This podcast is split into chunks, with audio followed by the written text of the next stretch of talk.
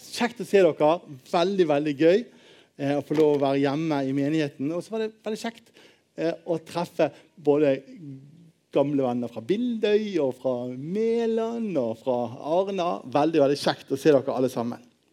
Ja, eh, Liss Vanel har jo gitt eh, introduksjonen til talen i dag. Eh, og jeg skal begynne eh, rett på. For det er sånn at dere skal elske hverandre som jeg har elsket dere. Kjærlighet, det er troens kjerne. For Gud er kjærlighet.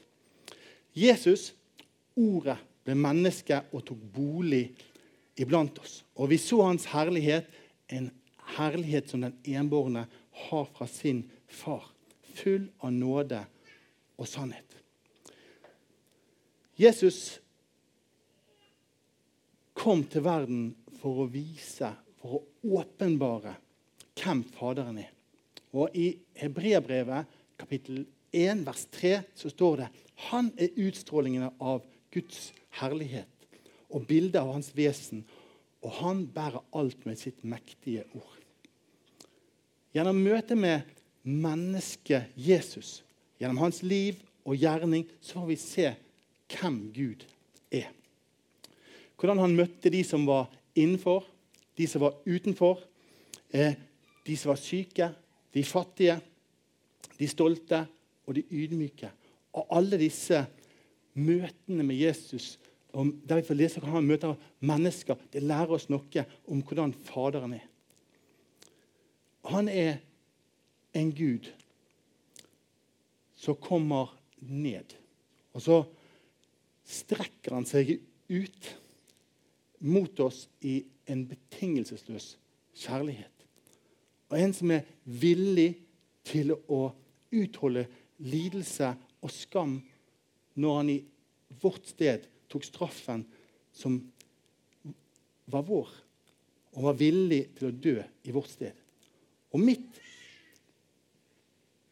på korset, midt i korsets grufullhet, så åpenbarer Guds herlighet seg.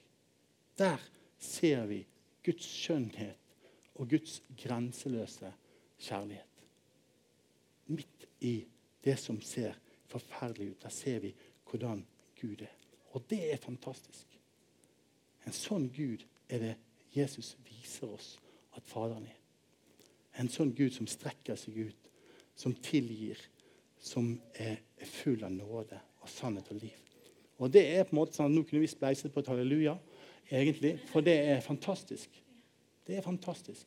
Det er en sånn Gud vi tilhører. Så jeg synes jeg bare takker deg for at det er en sånn Gud vi får lov å tilhøre. En sånn Gud vi får lov å møte i dag. At det er en sånn Gud vi får lov å være kalt barn av. For å tilhøre. Og jeg ber dere akkurat sånn som du, Jesus, herliggjorde Faderen fremfor øynene eh, på all den ondskap som ble synlig på korset, så ber vi om at du òg må herliggjøre ditt navn her i dag. La oss få lov å se deg, Jesus, få lov å se deg, far, hvordan du er, og bli berørt av deg i dag. Amen. Der. Ja, denne talen som eh, dere skal få lov å høre på i dag, og være for så vidt en del av, den er en del av en taleserie på tre som er eh, basert på Lukas, eh, på Johannes 15. Og det var sånn at For to uker siden så var Kjartan Rydland han talte om vintreet og grenene. Og det var sånn at det var helt fantastisk bra. Og forrige uke så talte Elisabeth Lysebo over temaet eh, Hva talte du om? Det var 'Bli i min kjærlighet'. Mm. Det fikk jeg dessverre ikke med meg, men jeg har hørt det var veldig bra. Men den var for 14 dager siden, den har virket i mitt liv helt siden det.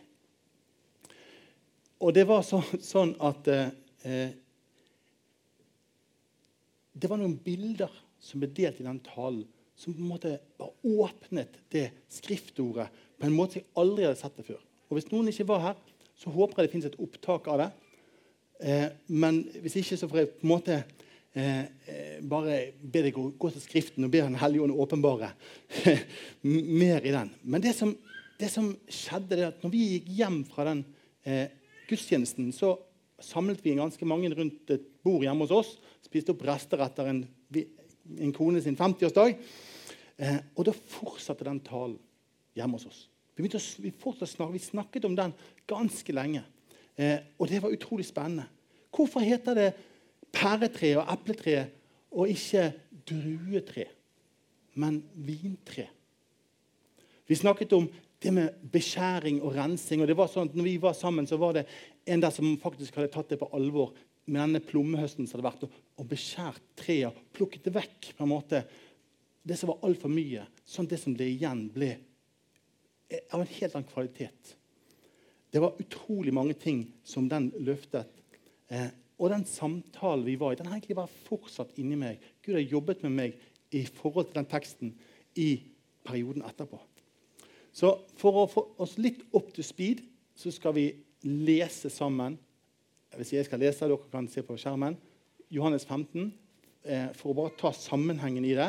Er det greit? Er dere med? Ja. Eh, noen som er med? Ja. De kom ikke her for å være engasjert i dag. Vi kom bare for å sitte i ro og ta imot. Ja, det er helt greit. Det er bra. Eh, så vi skal lese i, i Jesu navn. Jeg er det sanne vintre, og min far er vinbonden. Hver grein på meg som ikke bærer frukt, tar han bort, og hver grein som bærer frukt, renser han så den skal bære mer. Dere er alt rene på grunn av det ordet jeg har talt til dere. Bli i meg, så blir jeg i dere. Slik som greinen ikke kan bære frukt av seg sjøl, men bare hvis den blir på vintreet, slik kan heller ikke dere bære frukt hvis dere ikke blir i meg. Jeg er vintreet, dere er grenene. Den som blir i meg og jeg i ham, bærer mye frukt. For uten meg kan dere ingenting gjøre. Den som ikke blir i meg, blir kastet utenfor som en grein og visner. Og greinene blir samlet sammen og kastet på ilden og de brenner. Hvis dere blir i meg, og mine ord blir i dere, be da om hva dere vil, og dere skal få det.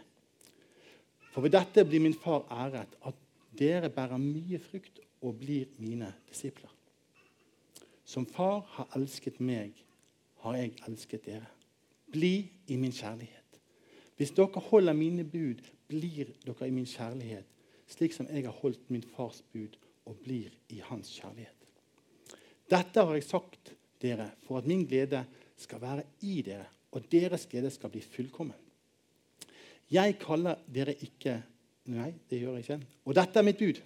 Dere skal elske hverandre som jeg har elsket dere. Ingen har større kjærlighet enn den som gir livet sitt for vennene sine. Dere er mine venner hvis dere gjør det jeg befaler dere. Jeg kaller dere ikke lenger tjenere, for tjeneren vet ikke hva Herren hans gjør. Jeg kaller dere venner, for jeg har gjort kjent for dere alt jeg har hørt av min far. Dere har ikke utvalgt meg, men jeg har utvalgt dere og satt dere til å gå ut og bære frukt, en frukt som varer. Da skal Far gi dere alt dere ber om i mitt navn. Dette er mitt bud. Elsk hverandre. Om verden hater dere, så skal dere vite at den hatet meg først. Hadde dere vært av verden, hadde verden elsket sitt eget. Men dere er ikke av verden. Jeg har jo utvalgt dere fra verden. Derfor hater verden dere. Husk hva jeg sa til dere. En tjener er ikke større enn hans herre. Har de forfulgt meg, vil de også forfølge dere. Har de holdt fast på mitt ord, vil de også holde fast på deres. Alt dette vil de gjøre mot dere for mitt navns skyld. For de kjenner ikke Han som har sendt meg. Var jeg ikke kommet, og hadde jeg ikke talt til dem, da hadde de vært uten synd. Men nå har de ingen unnskyldning for sin synd. Den som hater meg, hater også min far. Men det ord som står i deres egen lov, skulle bli oppfylt. De hatet meg uten grunn.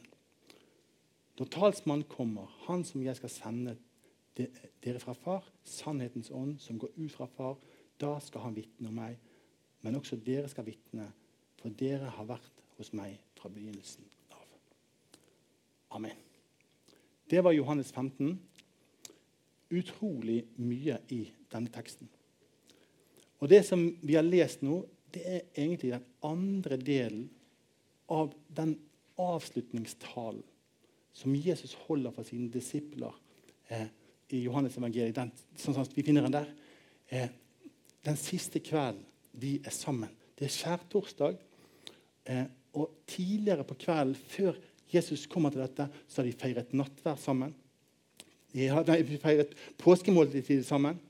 Eh, og det er som om denne kvelden så Jesus sammenfatter måte, kjernen i hans budskap. Han på en måte understreker det, og igjen og igjen så på en måte, han, han på en måte gjentar seg sjøl flere ganger på forskjellige måter for at dette skal gå inn hos disiplene. Det er denne kvelden Jesus bøyer seg ned og tar plassen til den som er lavest. Og så vasker han disiplene sine føtter. Dere skal elske hverandre. Som jeg elsker dere, skal dere elske hverandre.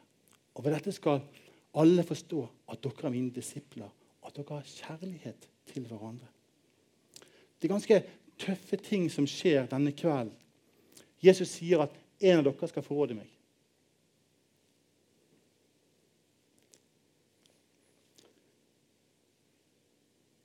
Jesus sier at Peter skal fornekte ham. Og det er en, en stemning i disippelflokken som på en måte er til å ta og føle på. Dette, dette, er på en måte de som har stått sammen i, i flere år sammen med Jesus. Og nå, det, eh, nå skjer det ting som ikke de har kontroll på. De kjenner her er det noe som er, er, ikke de håndterer. Og så taler Jesus til dem og sier Han trøster dem egentlig i begynnelsen av denne talen. Tro på Gud og tro på meg. I min fars hus er det mange rom. Og var ikke det sånn, så hadde jeg sagt det til dere, sagt det at, jeg, eh, at jeg går og vil gjøre i stand et sted for dere. Og når jeg har gått gjort i stand et sted for dere, så vil jeg komme tilbake og ta dere med meg. Så, der, eh, så dere skal være der jeg er. Og dit jeg går, vet dere veien. Og så sier Thomas, 'Herre, vi vet ikke hvor du går.' Hvordan kan vi komme når ikke vi, vi vet veien? Og Jesus sier, 'Jeg er veien.' Jeg er sannheten og livet. Ingen kommer til far utenom meg. Vesentlig poeng som er glemt og sagt, er at det Jesus også sier med all tydelighet, at han kommer til å forlate dem. Det er på en måte et kjempe, kjempepress i dem og hos dem.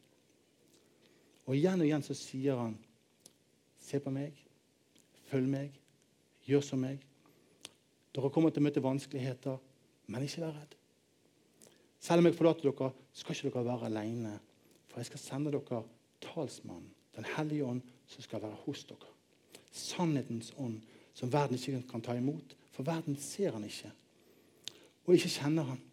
Men dere kjenner han, for han blir hos dere, og dere men, men dere, dere kjenner han, for han blir hos dere og skal være i dere. Og så går de ut dette skjer. Og så forteller Jesus Jeg er vintreet, og dere er greinene. Bli i min kjærlighet. Elsk hverandre. Og så sier han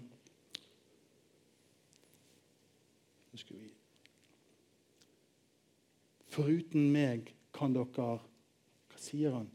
Gjøre en hel del. Gjøre litt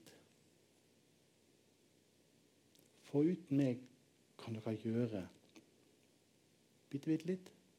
Nei, det er mye mer radikalt enn det. For uten meg kan dere ingenting gjøre. Og Det er så lett når vi leser gjennom denne teksten, sånn som vi gjorde nå. Og Jeg leste det litt fort, for jeg har litt mye skal si, så vi må holde farten oppe. Og det gjør vi gjerne når vi leser sjøl òg. Jeg gjør av og til det. Gjør noen andre det, kanskje? Så mister vi noe som er utrolig provoserende. Det er vanvittig, det som Jesus sier. For det han egentlig sier Uten meg så kan du ingenting gjøre. Uten meg så er du bare en tørr kvist. Uten meg så er det sånn at det er ingenting av verdi uten Jesus. Ingen virkelig liv. Og det er kanskje sånn at da er uten Jesus er kanskje livet mitt bare en sånn grønn kvist med noen blader på, som ser bra ut for dere andre, sånn at dere kan tro at det ser bra ut. Men uten Jesus, uten at jeg er i vintreet, så er det ikke et reelt liv der. Det er ikke en frukt som behager far. Og så er det sånn Jeg vet ikke med deg, men jeg ønsker å være i vintreet. Jeg ønsker å være koblet på Jesus. Jeg ønsker at han skal være kilden til det livet som lever, lever i meg. Jeg, jeg, ønsker at han skal være den som gjør at det vokser frukt på mitt liv som er sånn som han vil. Tipper det er flere som kjenner at ja, det ønsker vi. Men så er det så ofte og så lett at eh, finner på en måte litt næring i noen andre trær. Snakker om pæretrær og plommetrær og alt sånt. Det var ikke det. Dette er litt billedlig talt. Det kan være at det, er, det kan handle om min identitet. Det kan handle om at den onde sier til meg, eller samfunnet rundt meg sier til meg Du er ikke god nok. Og så begynner jeg å streve for å bli god nok. Kanskje må gjøre litt ekstra for å få litt ekstra følgere på Instagram. ekstra likeklikk, så, så vokser løvet på treet mitt ut ifra en annen kilde. Men det blir ingen frukt av det. Eller det kan være prestasjoner. Det å være god på jobb kan jeg bygge min identitet på. Jeg kan få fin, masse fine løv, men jeg kan ikke få liv ut ifra det. Det kan òg være en sånn åndelig variant. Jo, jeg, jeg, lever fint med Herren. Jeg leser i Bibelen hver dag. Jeg har en stille stund. Jeg, jeg, jeg ber, og jeg har på en måte gode rutiner, gode åndelige disipliner.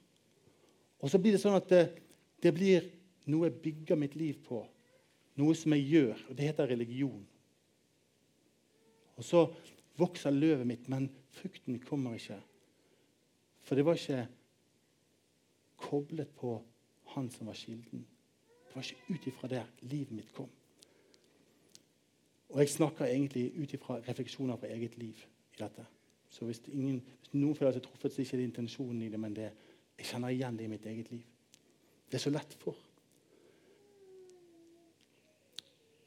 For det er sånn at den vingårdsmannen han vet hva frukt han vil ha. Han vet en frukt som varer. En evig frukt. Og han elsker å tynne de greiene, sånn at frukten blir stor og søt og vitner om Han. Men det hva? alt dette her, det vet Jesus om. Jesus vet akkurat hvordan det er. Han har holdt på med disippelskap i tre stive år. 24-7. Med disipler som, som, på en måte ikke har skjønt det. Akkurat sånn som oss mange ganger. De begynte å kjempe om posisjoner. De har ikke skjønt det.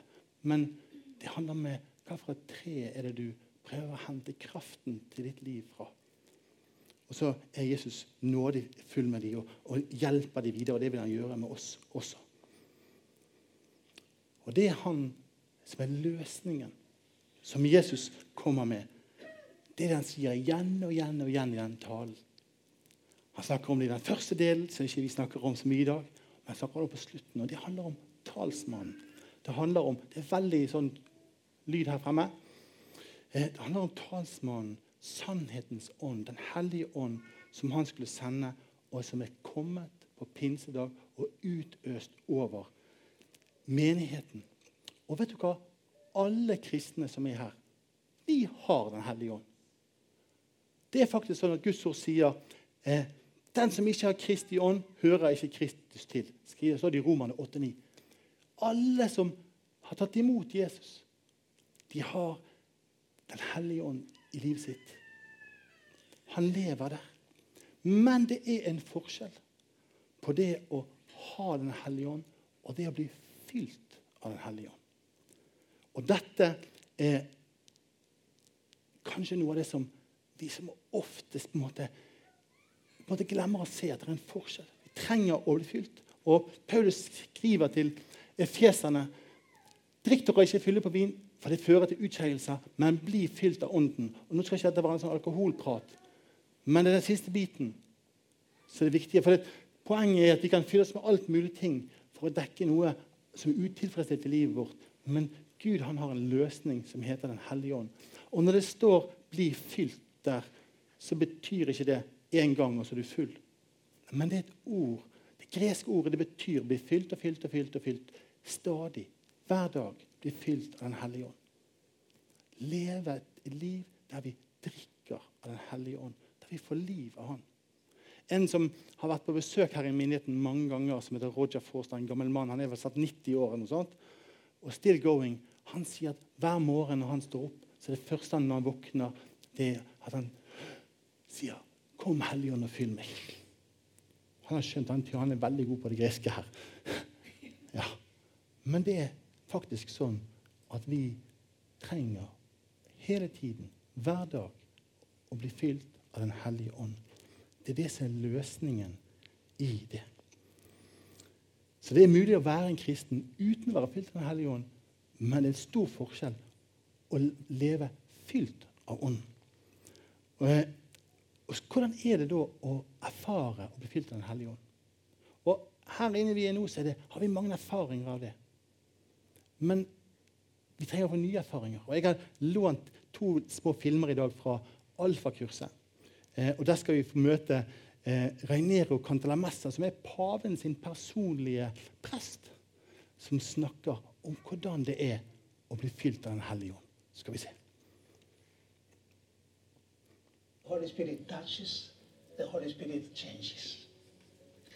So it is normal that the experience experiencing the Holy Spirit will will bring some changes, even uh, in our feelings, in our emotions, in our uh, way of expressing ourselves. Uh, St. Paul says in the letter to the Ephesians, don't be uh, drunk with uh, alcohol, with wine, but be filled with the Holy Spirit.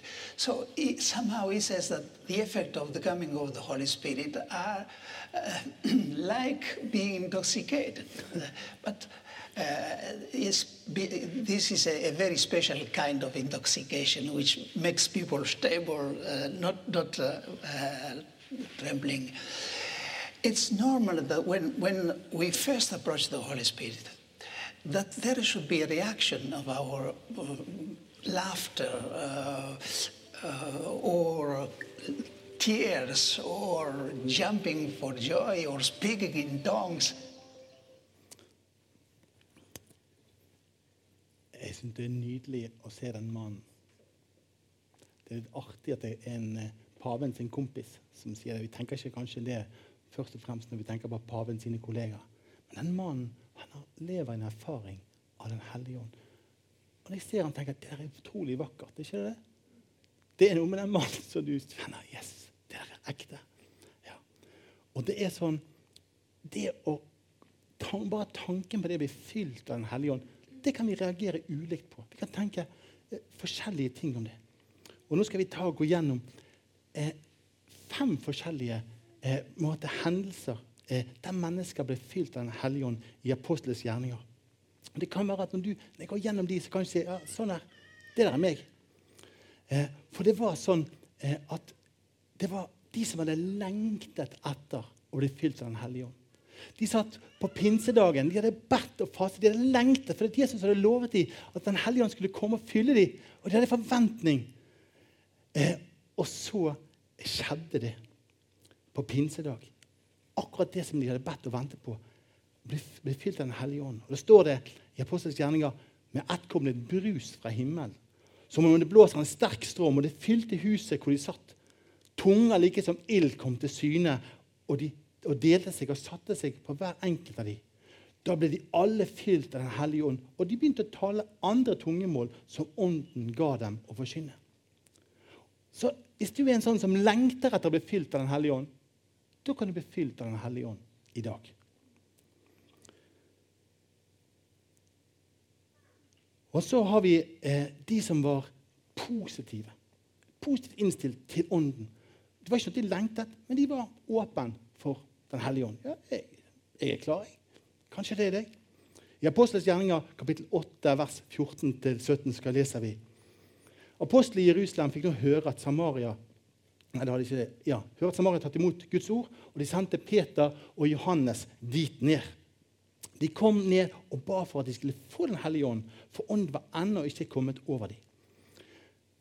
De var døpt til Herren Jesu navn. Nå la de hendene på dem, og de fikk Den hellige ånd.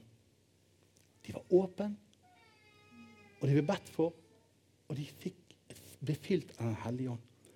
Kanskje du er en sånn som bare ja, jeg, jeg er klar.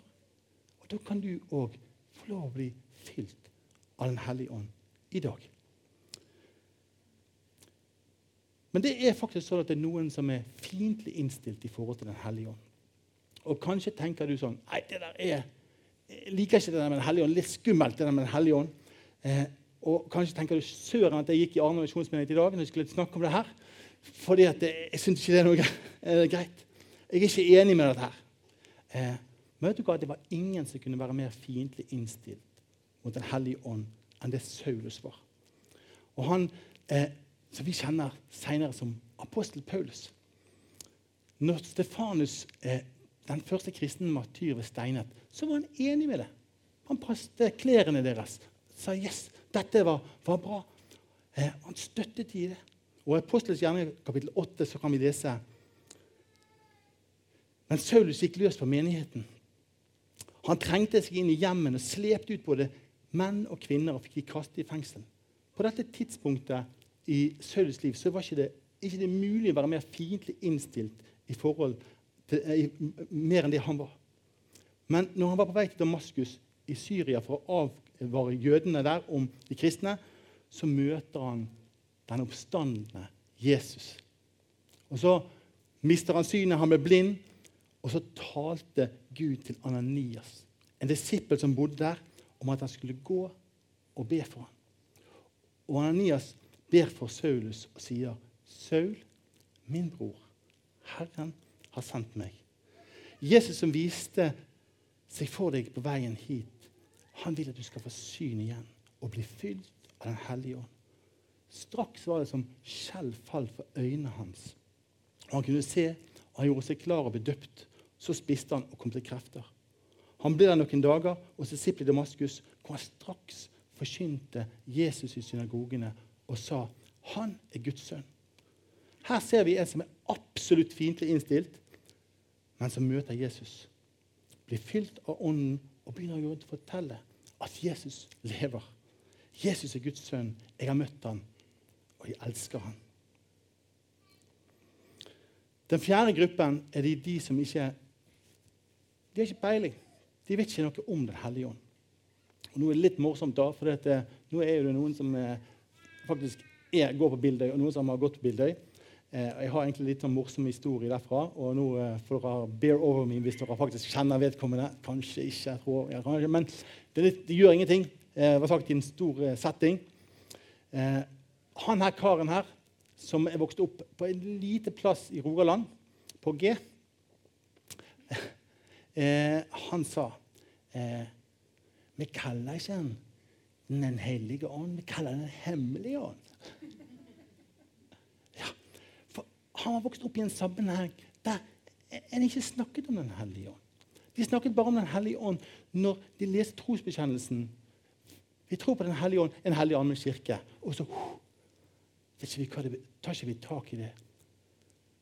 Men det er faktisk sånn at det er mange som både er døpt og konfirmert og kanskje går i kirken, kanskje går i kirken ofte, som faktisk aldri egentlig har hørt om den Kanskje du går på bibelskole òg. Håper det ikke. Men ok.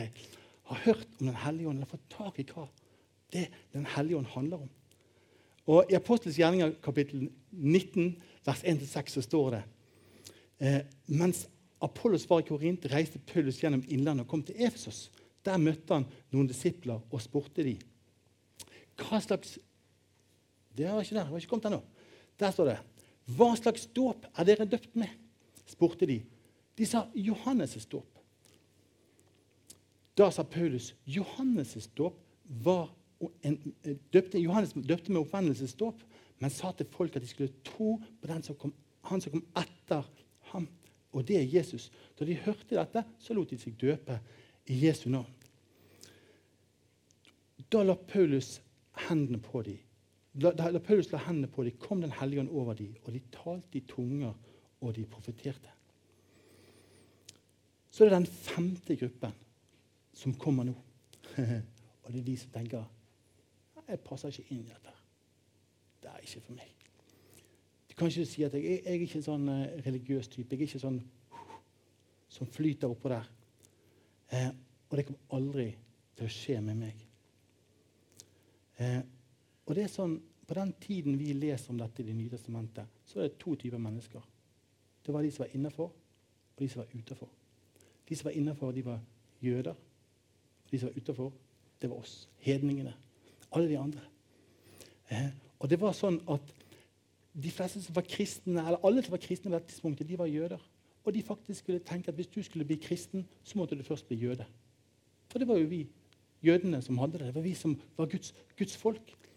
Eh, men Gud han sprenger de rammene.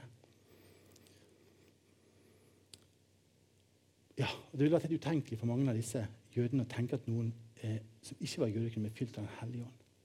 Men det var en som het Kornelius, som var en hedning som hadde fått et klart budskap fra Gud i et syn. Og På samme tid fikk Peter, som var jøde, et like klart budskap fra Gud. Og Som følge av dette så endte det med at Peter forsynte evangeliet i Kornelius' hus. Mens han var midt i en lang preken som ble han avbrutt. Og Dette er det som står i Guds ord om hva som skjedde. Mens Peter fremdeles talte, kom Den hellige ånd over alle som hørte ordet. De troende jøder som var kommet sammen med Peter, var forferdet over Den hellige ånds gave ble utøst også over hedningene. Tenk! Den hellige ånd kommer til hedningene! For de hørte de tale i tunger og prise Gud. Da sa Peter disse har fått Den hellige ånd likevel som vi. Kan da noen hindre den vannet at de blir døpt? Paulus viser oss at opplevelsen av å være fylt med Den hellige ånd er Guds gave til meg og deg, som øses inn i våre hjerter ved Den hellige ånd, som blir gitt til oss. Vi vet ikke nøyaktig hva som skjedde eh, når Den hellige ånd ble utøst. Men det vi kan se, at han har gitt måte, fysiske manifestasjoner. For Peter sier at de mottok Den hellige ånd akkurat som vi. Så sannsynligvis var det Peter beskriver på en måte skjedde i Kornelius' hus, ganske likt det som vi leste på pinsedag. Ganske heftige ting, men der det var tunger av ild og en åndens vind. Og det er denne brannen, denne kraften, denne lidenskapen, denne renheten. Og Noen ganger så er det å bli fylt av Den hellige ånd som å ha en brann inni seg. Det er jo ikke sånn at vi tar fyr og begynner å komme flammer opp, men en kjenner en brann inni hjertet. En kjærlighet til Jesus som er helt annerledes. Eller noen kan kjenne det fysisk. Si at jeg, det, det, jeg er så varm inni armene mine, men det har ikke noe med temperaturen i rommet å gjøre. Gud gjør noe inni oss, i vårt kjøtt. Vi kjenner at han er der. Det kan være mange andre måter også vi kan erfare det på. Jeg var sammen med Frikirken sammen med Linn Myhr. Så var vi og talte over Frikirken sin Meningsviken, og snakket vi om dette. Og Da inviterte Den hellige ånd til å komme. og En av de tingene som er interessant, sto egentlig bare og så på, på måte, hva Gud gjorde. Og Det gir veldig forskjellige uttrykk. Noen satt helt stille. på en måte Du så at det, det arbeidet dypt i dem. Noen pustet tungt. Noen gråt. Noen smilte. Det var, og det er ikke hva, hva, hvordan det ser ut, som er viktig, men det som er viktig, det er det Gud gjør i hjertet vårt. Blir fylt av Hans ånd.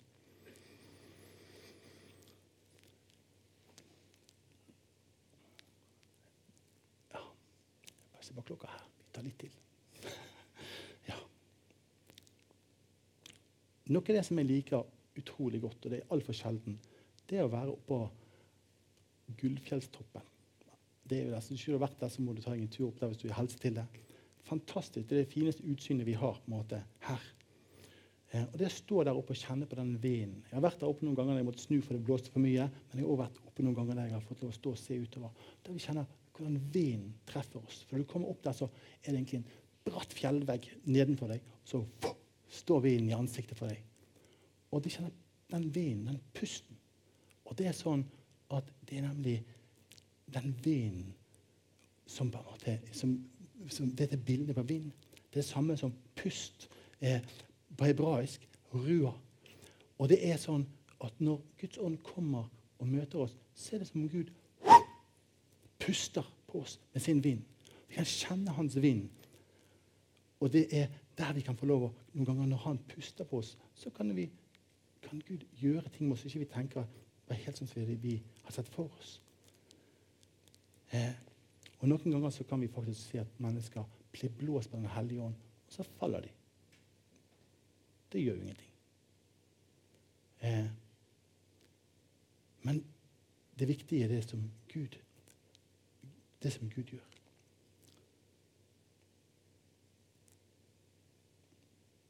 Han vil fylle hjertet vårt. Jeg begynte å snakke om korset i dag. Det er det stedet der Gud åpenbarer sin kjærlighet til oss. Han strekker hendene sine ut og viser oss hvem Faderen er. Og det er der vi ser hvor høyt vi er elsket. En Gud som er så utrolig glad i oss. Som er så har sånn kjærlighet man er villig til å, å gi seg sjøl. Og det er sånn En av de tingene Den hellige ånd gjør, han hjelper oss å se Jesus. Han hjelper oss å se Faderen. Den hellige ånd gjør at vi elsker Jesus mer. Det er det han gjør. Han gir oss det vi trenger for å elske mer. Og det som skjer i hjertet vårt, og at hjertet vårt blir fylt av lovprisning. Når vi blir fylt av Den hellige ånd, så blir det så lovprise Jesus. Ære Han. Og I Apostels gjerninger kapittel 10 så står det, 46 så står det om de hørte, eh, de hørte hvordan disse talte i tunge og priste Gud. Ja, og Denne spontane lovprisningen er det språket som snakkes her. med folk som er begeistret i sin relasjon til Gud. Og En av de stedene der Den hellige ånd kan gi oss kraft til å uttrykke vårt, det er lovsang og tilbedelse. Og Det er ingenting som er så fantastisk å være i lovsang og tilbedelse og oppleve at Guds ånd kommer og fyller deg. Og du kan få lov å prise ham av, av, en kraft som du ikke trodde du hadde. Fordi Gud beveger seg i hjertet vårt. Og det er sånn at Når vi gjør det, så brytes ned barrierer oss imellom. Og vi kan sammen tilbe Gud. Jeg må bare gønne litt på her, for klokken går fort. så vi må hoppe litt i teksten. Ok, ja. Er det spennende? Ja, det er det. skjønner du. Ja, for vi må ha tak i dette. her. Eh, det er sånn at eh, vi skal få lov å møte Cantalamessa en gang til. Jeg synes han er så fin. Han skal snakke litt om eh, en annen side med det som handler om tilbedelse og Den hellige ånd. Da tar vi og spiller den. Skal jeg gå litt lenger bak? Oi, oi, oi.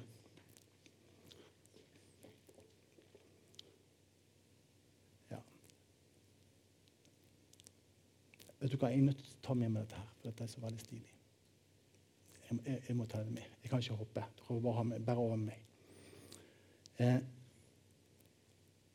I første kor 13, som er det måte, mest brukte i Bibelen eh, Kapitlet vi bruker i vielser. Jeg har talt over det i mange vielser.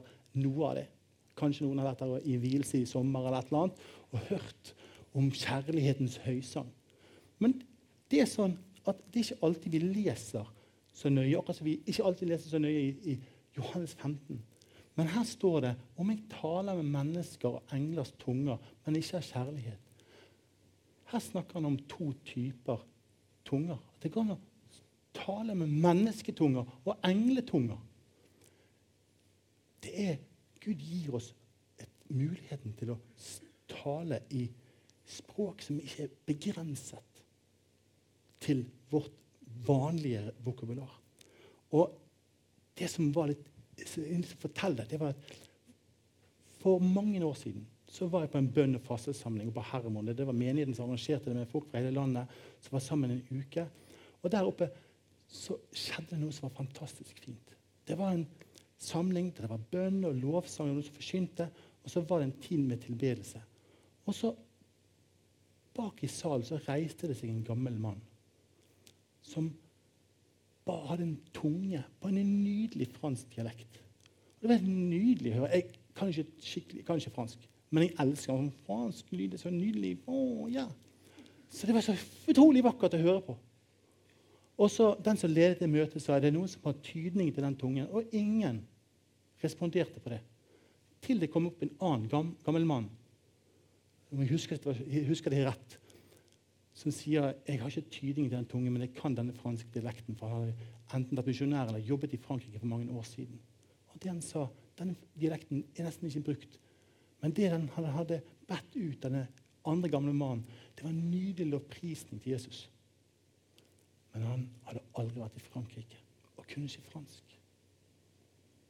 Men det er en sånn måte Den hellige ånd gjør. Han måtte reise opp en tilbedelse fra hjertet. Vi vet ikke hva vi taler sjøl, men det, var, det æret Gud. Og så ble vi velsignet gjennom en som kunne den dialekten. Fantastisk bra. Jeg husker ikke detaljene i det. Men mange ganger når vi møter det Den hellige ånd gjør, så blir vi sånn Wow! Det er fantastisk. Dette er ikke sånn hverdagsting som jeg opplever hver dag. Men det å få lov å se at Gud er mye større. Og hvorfor gjør han det? Jo, han, Ånden han herliggjør Jesus, og Jesus herliggjør Faderen. Og så vil vi komme inn i den tilbedelsen sammen med han.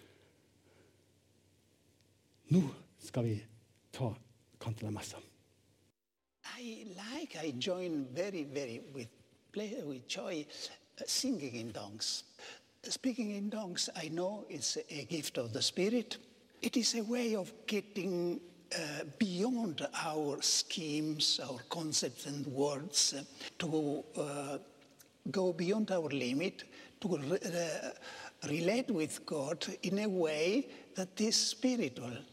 Of course, the, this is a gift which uh, has a natural support. So there, there is something, even uh, in poetry or in, in, in the paintings, there is something when you go beyond the, the, the, the, the images and it's a way of speaking in dogs, which means going beyond the lines and, and the, the, the, contours and getting free. So it's an experience of freedom.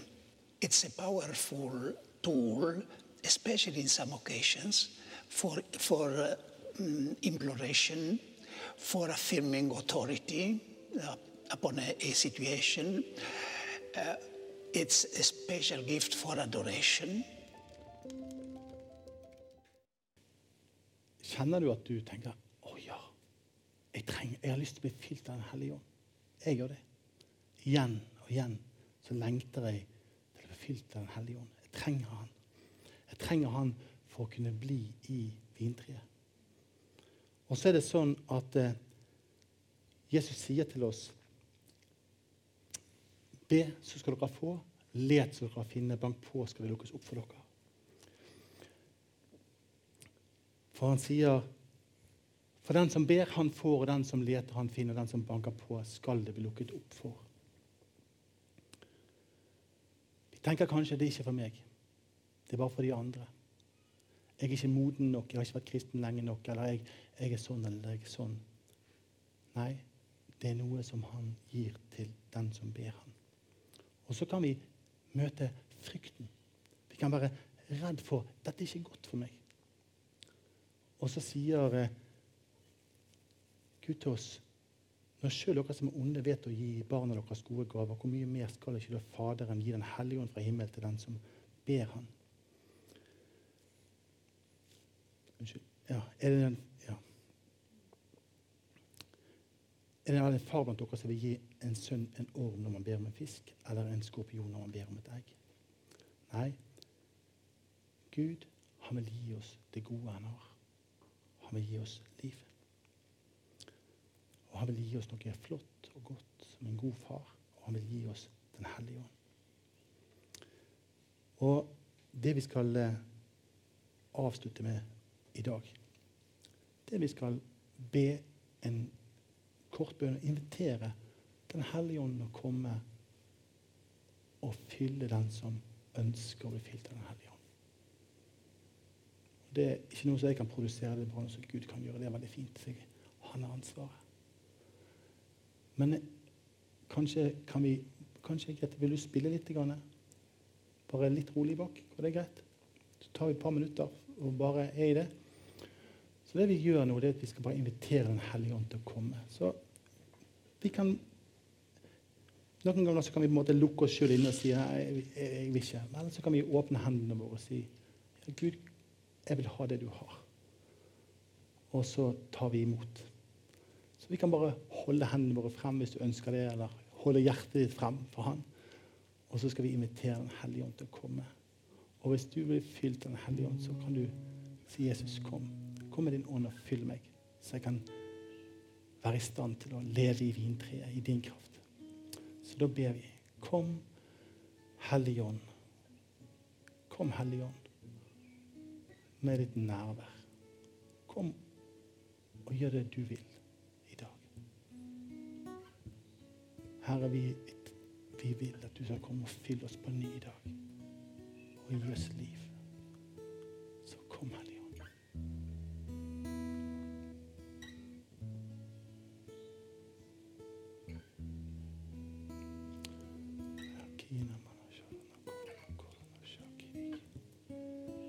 Kom, Hellige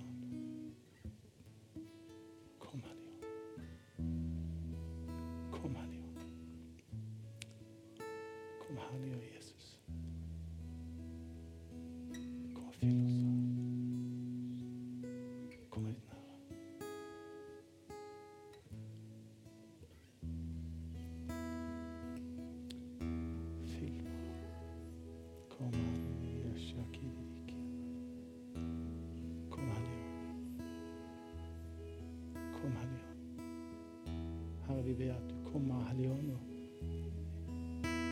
med ditt nærvær. Kom og fyll oss. Kom og gi oss kraft til å leve for deg, til å leve i deg, til å være et vitne for deg. Til å komme dypere inn i et kjennskap til deg, Herre. Kom, Hellige Ånd. Kom, Hellige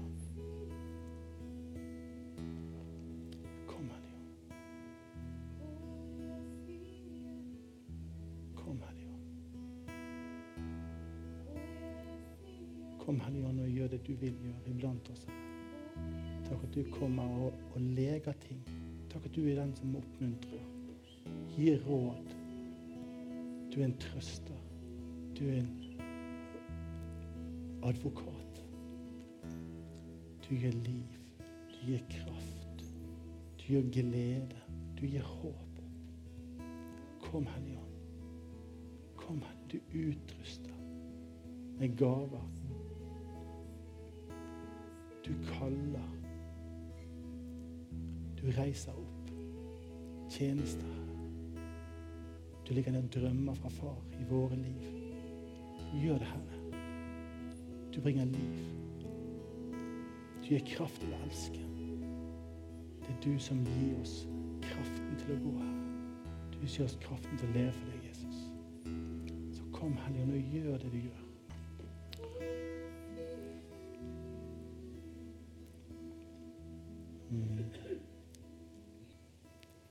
Takk, Jesus, for at det er godt å være i din nærhet. Takk at du kjenner oss, Herre. Uansett om vi lengter etter det, eller at ikke vi har peiling, eller vi syns det er skummelt, eller at ikke vi vet noe om det, Herre. Men du vil møte oss. Du kommer ned til oss. Du bøyer deg ned til oss i din kjærlighet. Inviterer oss til fellesskap og relasjon med deg. Og du vil fylle oss med kraft til å leve for deg, til å gå for deg alle dager. Du vil lovet å være med oss helt til den dagen du kommer.